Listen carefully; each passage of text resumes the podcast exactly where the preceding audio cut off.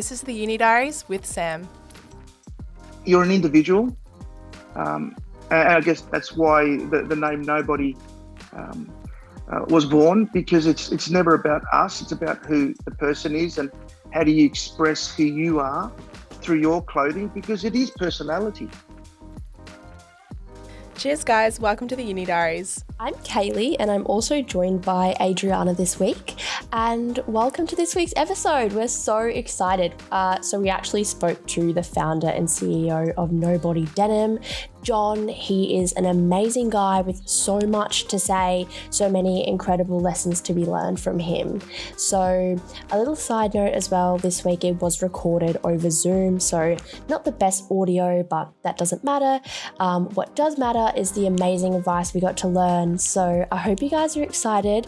Um, you get to learn so much about entering a fashion business, ethical practices, what's important in a business all of that stuff. So I'm really looking forward to it. So, yeah, let's get into it. Hello, everyone. This week, we're going to be talking to John Kondilis, who you may or may not know is the current founder and um, CEO of yep. Nobody Denim, which, as all of us young girls know in Australia, create possibly the best jeans on the whole planet. Um, thanks for the intro. That was, that's a, it's an honour, but uh, that just went over the top, which is great, fantastic. And, and I hope I can actually give some wisdom. Uh, so I guess we want to start with if um, you could tell everyone a bit about yourself.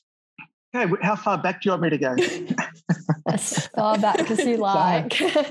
I, I, guess um, I think it's important that whatever we do in life, it actually starts at an early age.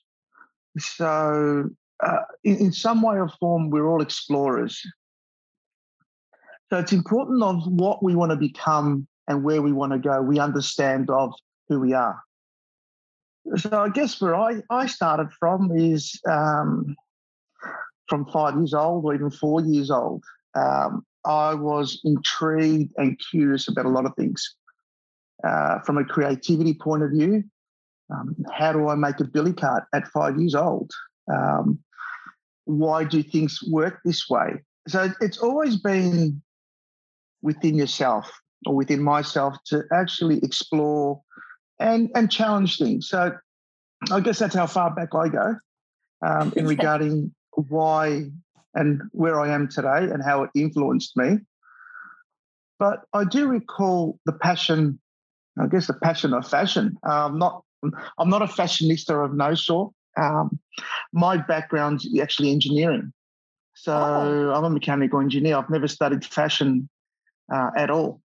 But what engineering has given me is the skills of problem solving. So everything that we do around denim is problem solving. Um, it, it's considering the end user, being the customer, the ambassador, and they all have challenges. So I guess I've just digressed a bit, but I want to go back to when I was 14, 15. And I remember going overseas and I still have a photo of myself wearing denim on denim. And that's something that, yeah, it, it's, you know, I go back, it was, I think it was actually a flare jean, denim jean with a denim shirt and a denim jacket. And if you look at it today, they go, that's pretty cool. You know, but I was only 14, 15 and I, I enjoyed that. I loved that. So, and remembering going to an out of uniform day and I was wearing cord flares, which I got from overseas. And uh, the guys that, uh, when I was walking to school with them, they wanted to send me home and they said, What are you wearing? Uh, I, and I guess that's where it becomes um, you're an individual. Um, and I guess that's why the, the name Nobody um, uh, was born because it's it's never about us. It's about who the person is and how do you express who you are through your clothing? Because it is personality. And I've always had a love of denim from from the you know from 11 12 15 and i'm not sure if you guys ever did this but when we used to get the lee jeans back in the 80s um, early 80s we'd, we'd rip off we'd chase everyone around the, the schoolyard and try to rip off the, their label the back the back label and the reason being is it was it was precious because you'd you'd rip off someone's jeans, or the, the label, the the lead label, the, the tag, and you put in an oven. And you used to sort of make a little hole, and it was a key tag. So everyone used to collect leather labels back then from all different um, denim brands. So you know, you chase around out of uniform day, and you chase everyone around who can rip off the most uh, labels, put them in the oven that night, and then go back to school the next day on your key tag. Oh my so, gosh. That's yeah, so so there's a lot of history and, and um, uh, good things around what, what how denim was part of people's lives. Yeah. And that's why it's still the same. If you think about it, people still care about what they wear, especially around jeans, how it fits, how they look. Uh, so, yeah, I just feel that that stayed within me. Um, and starting to get exposed into denim uh, when I was in the uh, mid '80s, you know, through my father because he got he got involved with a, a fashion designer back then and doing some denim washing in the laundry. Uh, it's I knew where I wanted to go from the start. From you're an start. individual. Beautiful. Yep.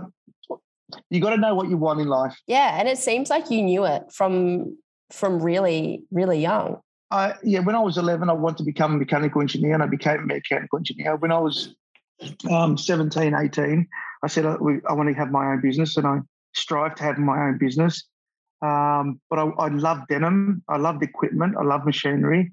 I love the art of creating something new because denim is a canvas and that's, that's what it, it is. It's, it's how you put a canvas on your body that it reflects different aesthetic and gives you different, uh, I guess, personality at that point in time.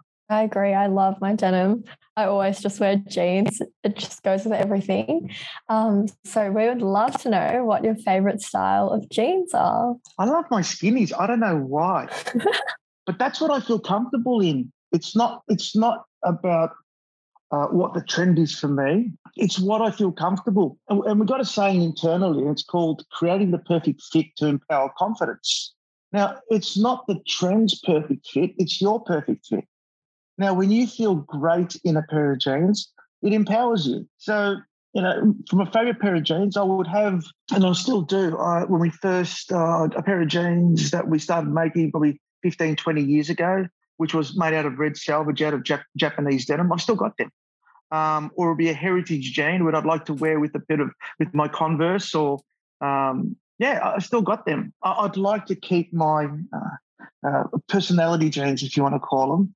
But my everyday jeans is I won't call it super tight skinny, but it's a it's a skinny, it's a fitted jean. Yeah, no, that's I mean like it's interesting because a lot of the whole brand and yourself, I feel like it stems from really wanting to acknowledge that you're an individual and like you, I can just see how that pervades everything, and it's really good to see.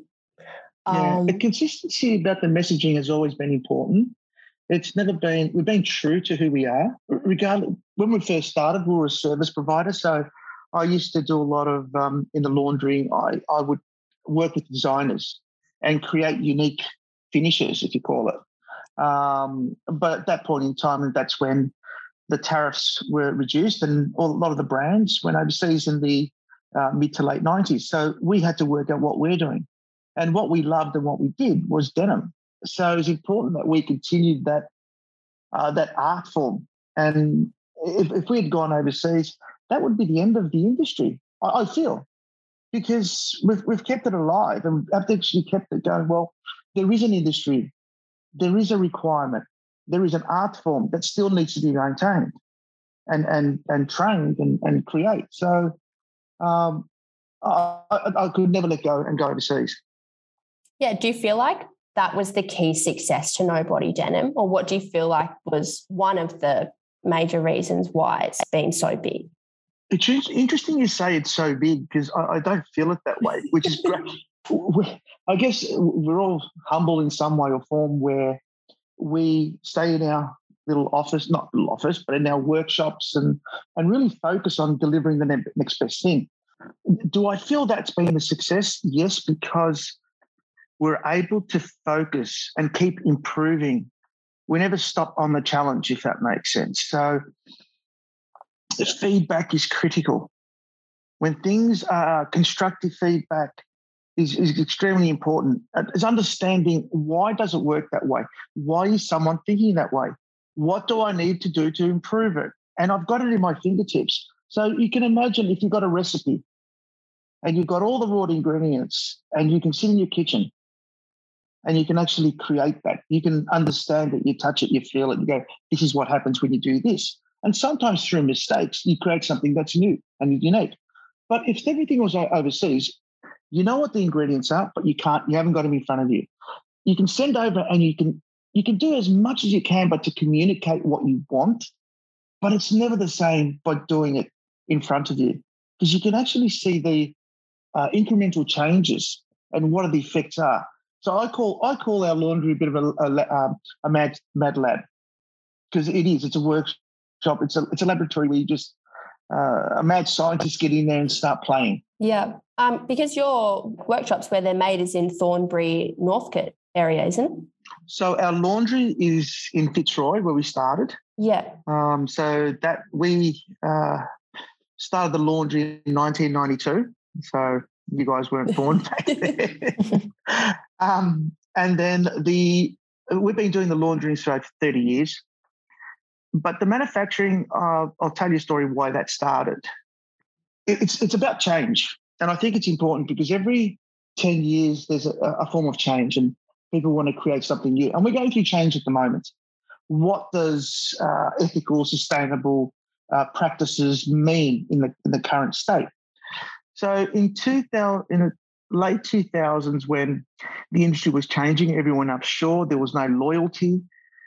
Uh, the new form of ethical clothing, um, I guess, certification um, uh, processes were evolving globally, not just there locally. And as brand values, which are really important, it was important that everyone was aligned and transparent.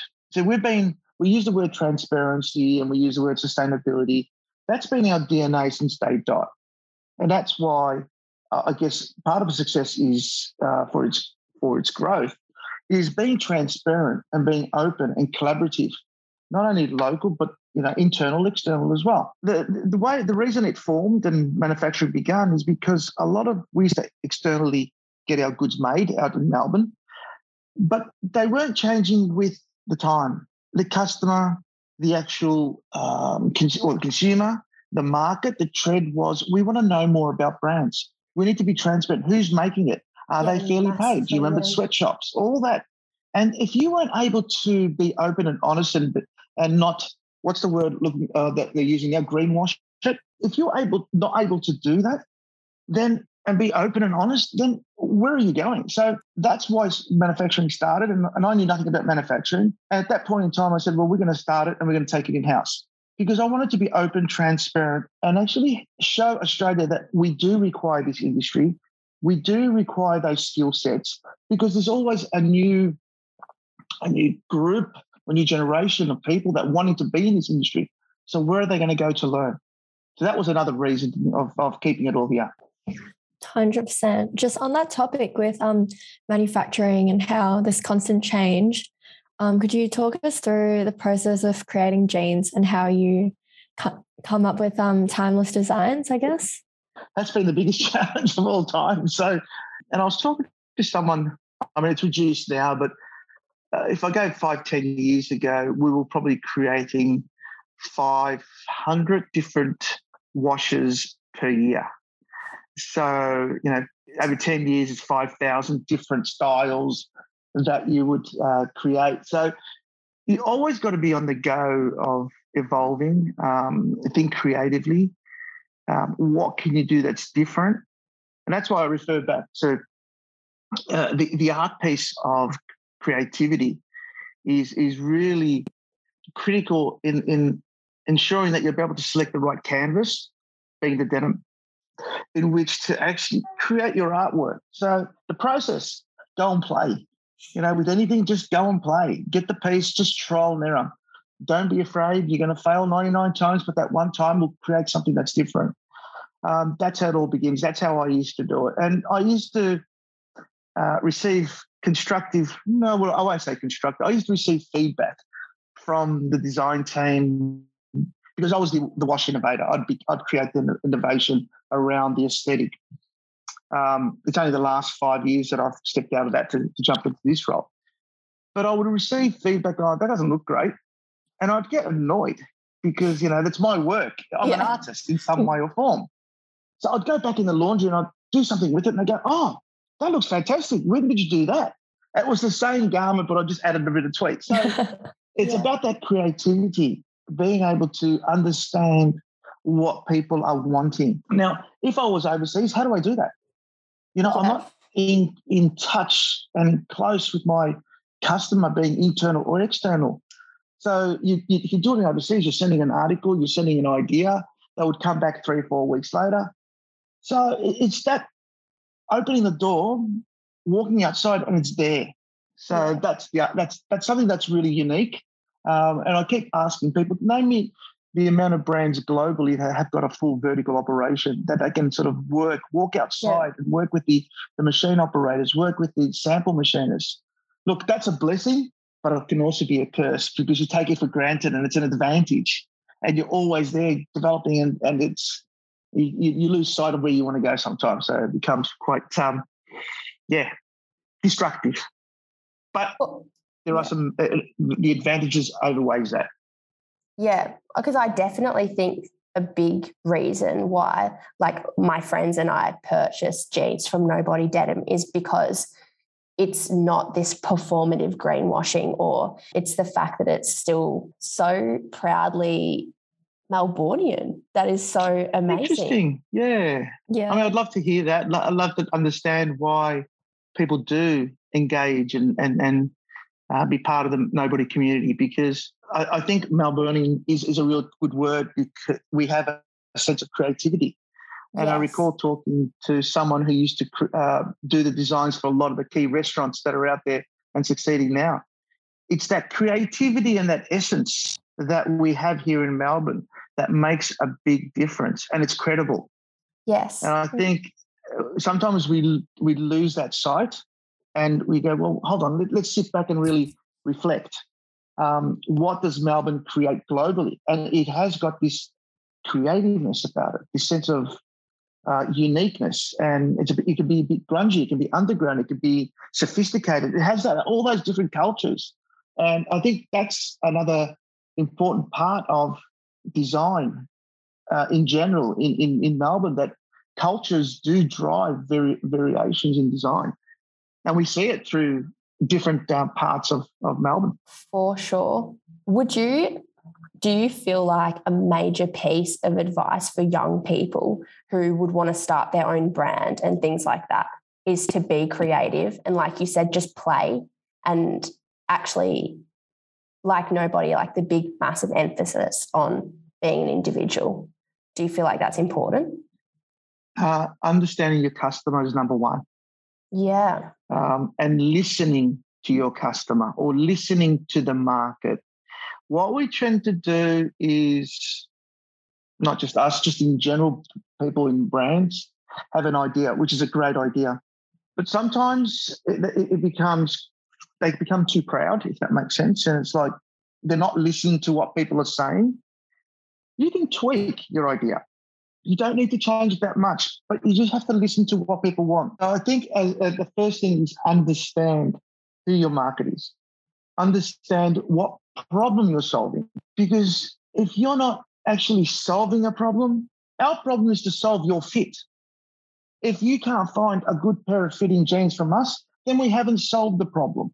Mm. So that creates the opportunity. Yeah. So from an advice point of view, understand the problem that you want to solve because you can create something that's fantastic, but there's no problem in the market that actually requires that. Yes. So why would people gravitate? Not sure. Would you say your expansion into a range of like dresses and tops is that like responding to customer needs or was that always kind of in the plan for the business? It's a requirement to complement denim we are, uh, I guess, credibility lies in our denim expertise, and and people come to us with with denim, but styling is very important too. It's not just a pair of jeans uh, with just a white t-shirt. People's, I guess, taste of going out today is around how do I feel great overall. So it's important that we could style it or style the outfitting um, to the person's personality. So the expansion of our accessories or or other garments, being a shirt or being a, um, we do a lot of denim shirts, which we feel that actually complements that. A t-shirt, a jacket.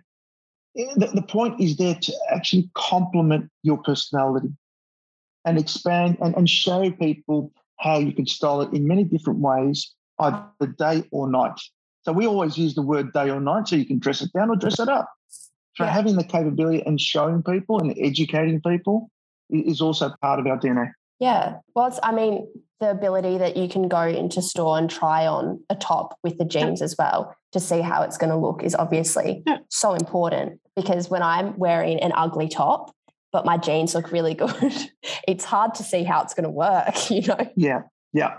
So I definitely get that. So it's, it's important, but when people come into our store, they're coming into it for our jeans and yeah. they're not they're not coming in for our tops. But you need to you need to show people how it all goes together and what yeah. the thought behind those jeans were. So it, they might have a top at home that's similar, which is great. And then they know, okay, and now I know how to outfit it. So outfitting is critical and very important. Yes, definitely. How do you feel, or what do you think is important for people who want to get into the fashion industry? What are some things that some must knows? Don't rush. Um, okay, number one thing, and uh, I remember having many interviews years ago when when interviewing designers. The, the, start at the bottom, and what I mean by that, start on the factory floor. I'll tell you another story.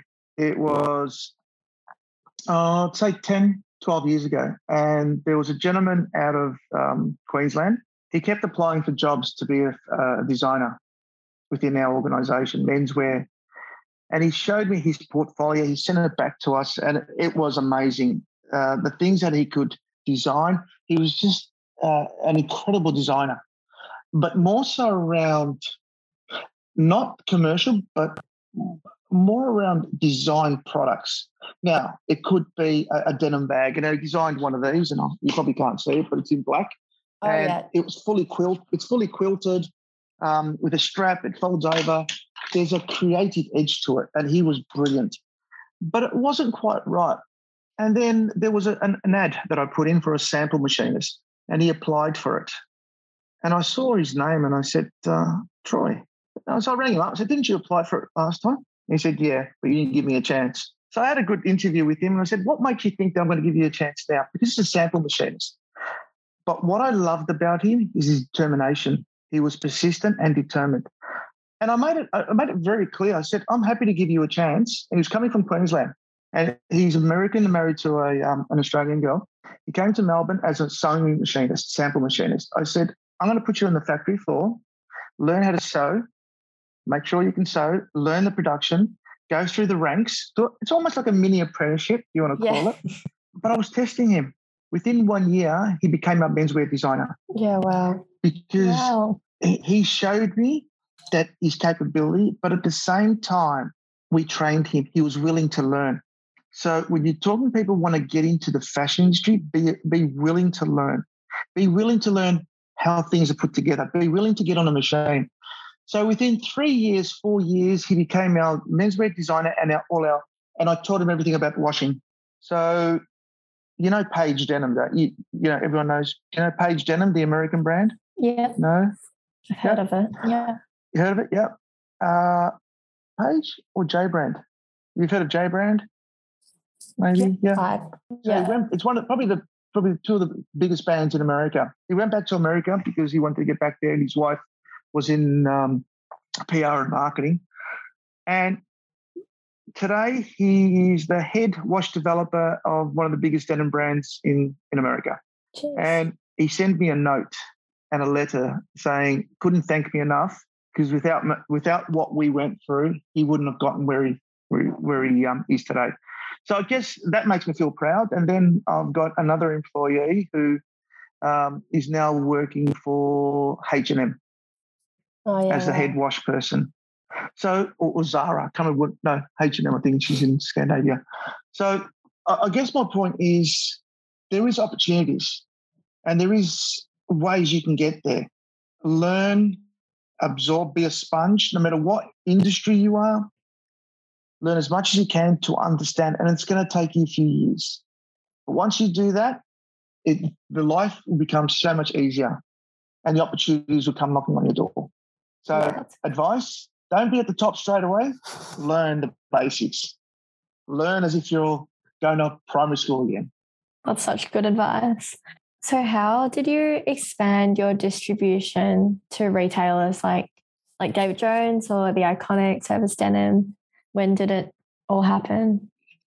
Oh, that happened about six, seven years ago, maybe even a little bit longer. Um, it goes back to credibility and building relationships.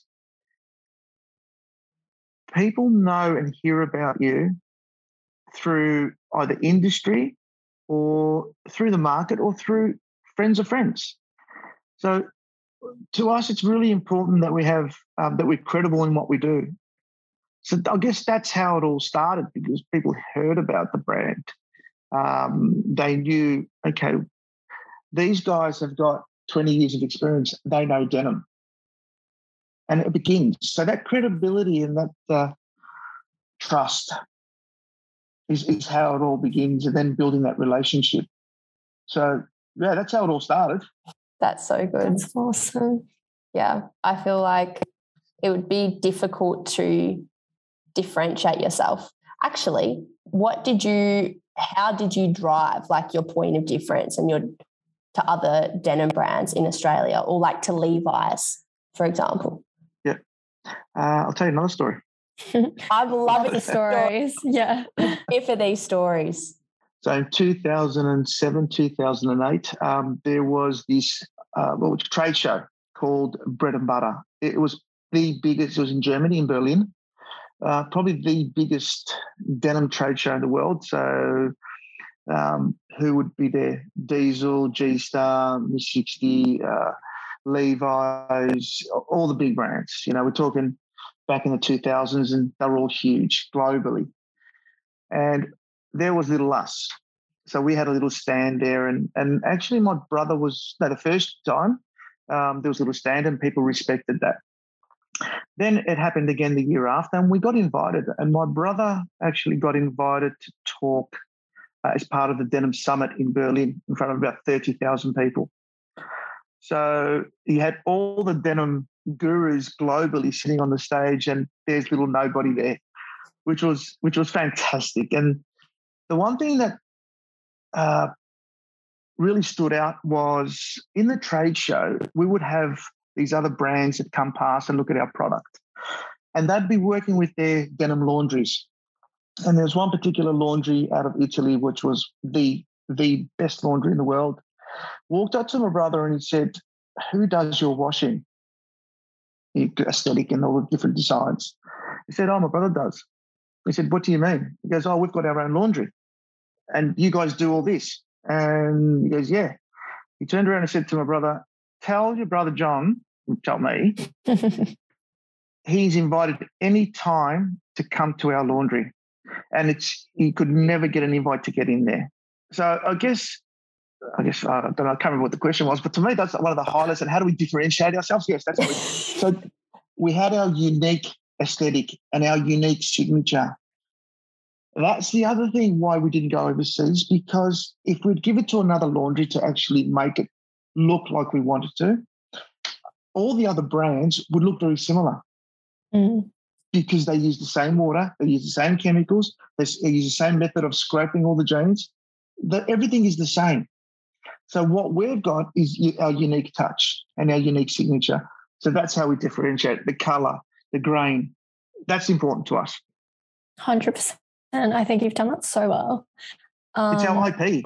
Yeah. Just in terms of that, though, have you found like any challenges? Always. Every week's a challenge. Every day's a challenge. You're in business. Just like keeping it um, in Australia when all the other brands are outsourcing. Um, have I found challenges? Skills are a challenge. You know, with with an aging workforce at the moment, uh, trying to keep finding the skills. That's probably one of the biggest one.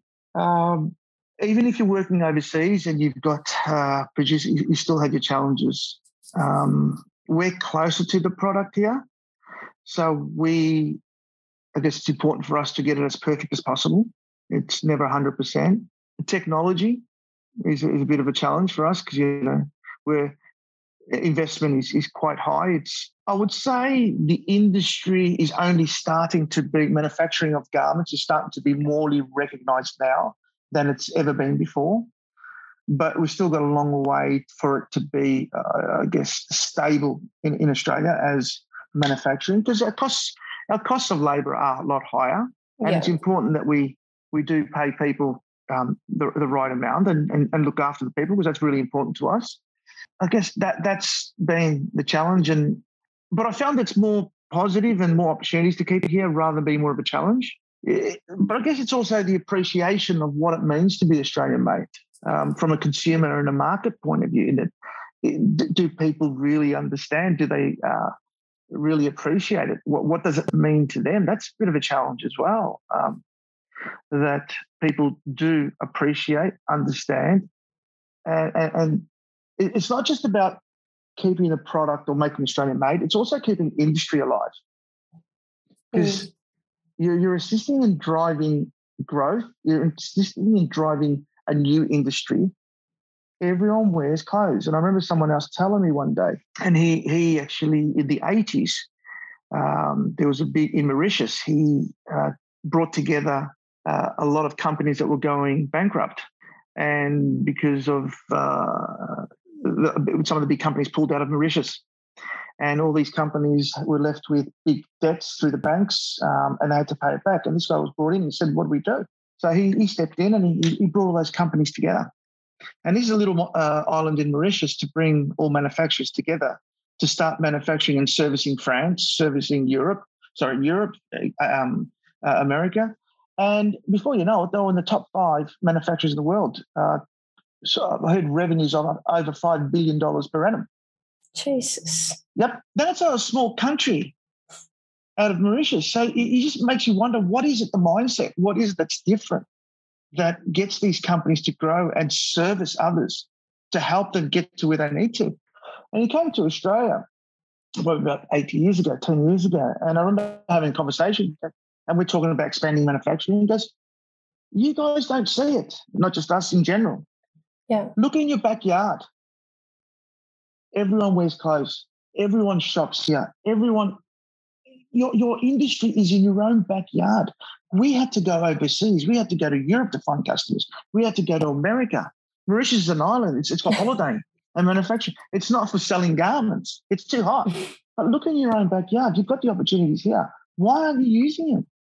So it's a different. It's actually taking a different mindset and a, perception of how to how to make opportunities and to create and expand on opportunities.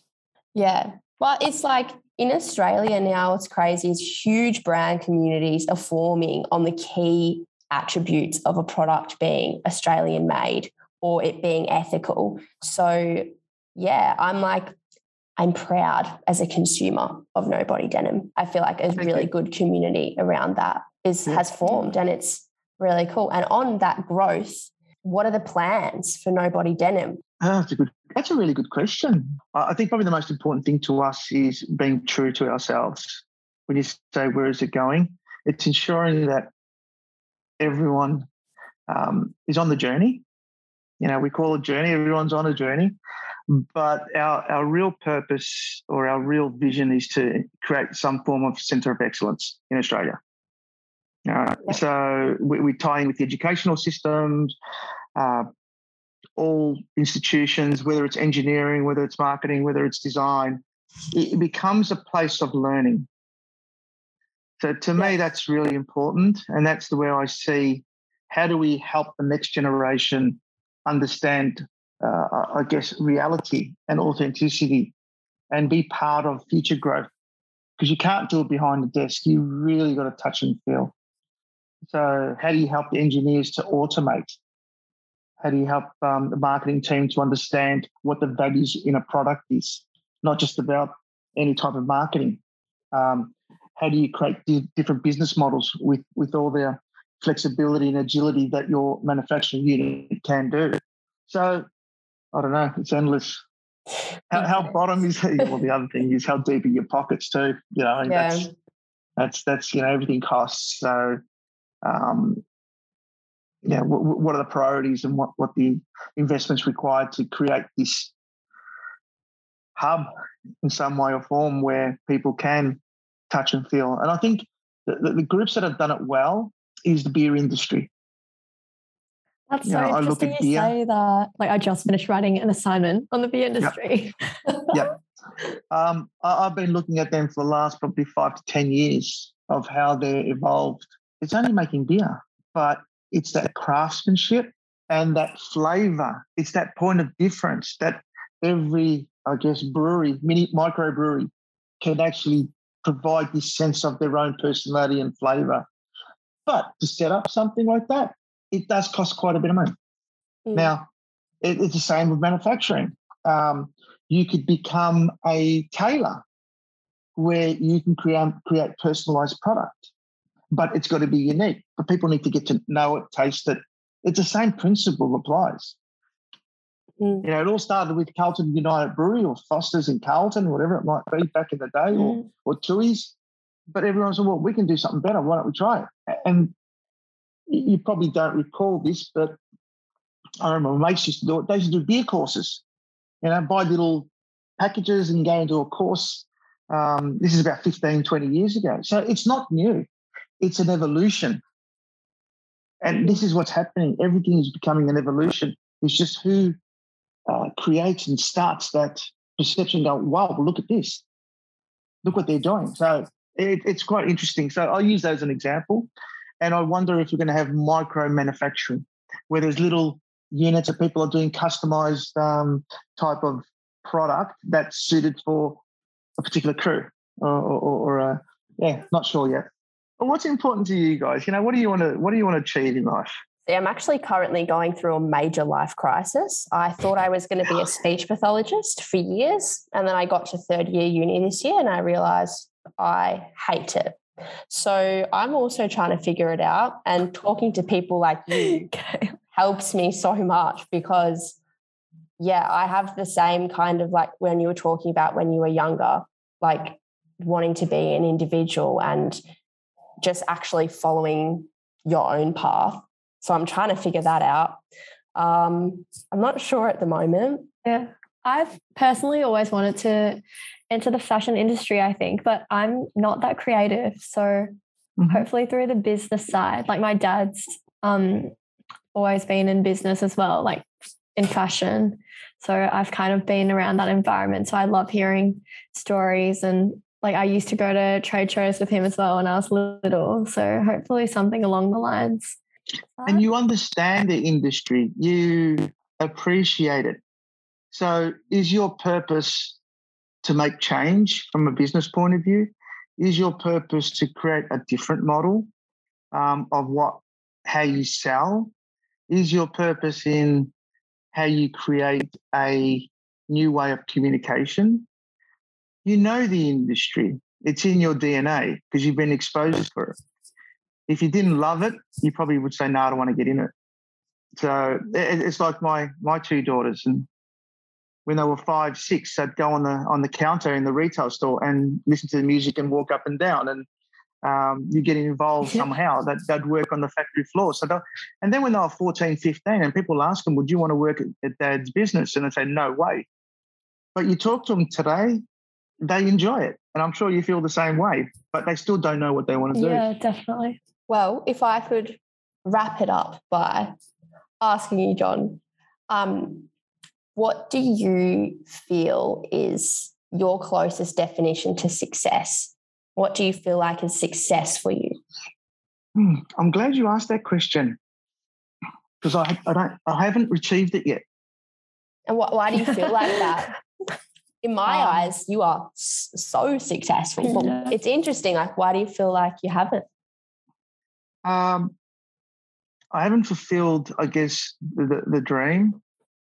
And the dream changes every year. And I don't mean it changes from one dream to another, it, it progresses because as we get closer, we want to achieve a bit more.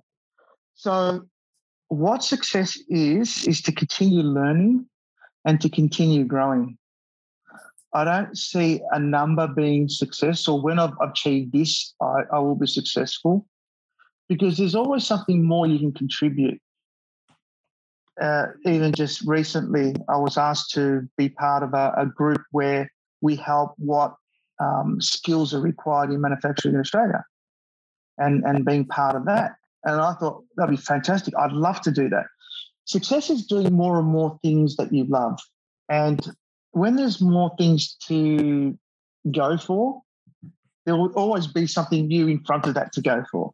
Yeah. Right? So, I mean, I, I, can't really, what does success uh, look like is, is really enjoying what you're doing every day and keep going that you can make a difference. If that's your, if that's what you want to do, if that's what you, you, you uh, is part of your DNA, is part of your passion, is part of your values.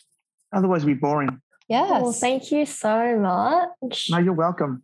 Thank you so much, John. We really hope everyone listening learnt as much as we did. Such an amazing discussion. And thank you, John. And thanks, Adriana. No problem. Thank you. guys.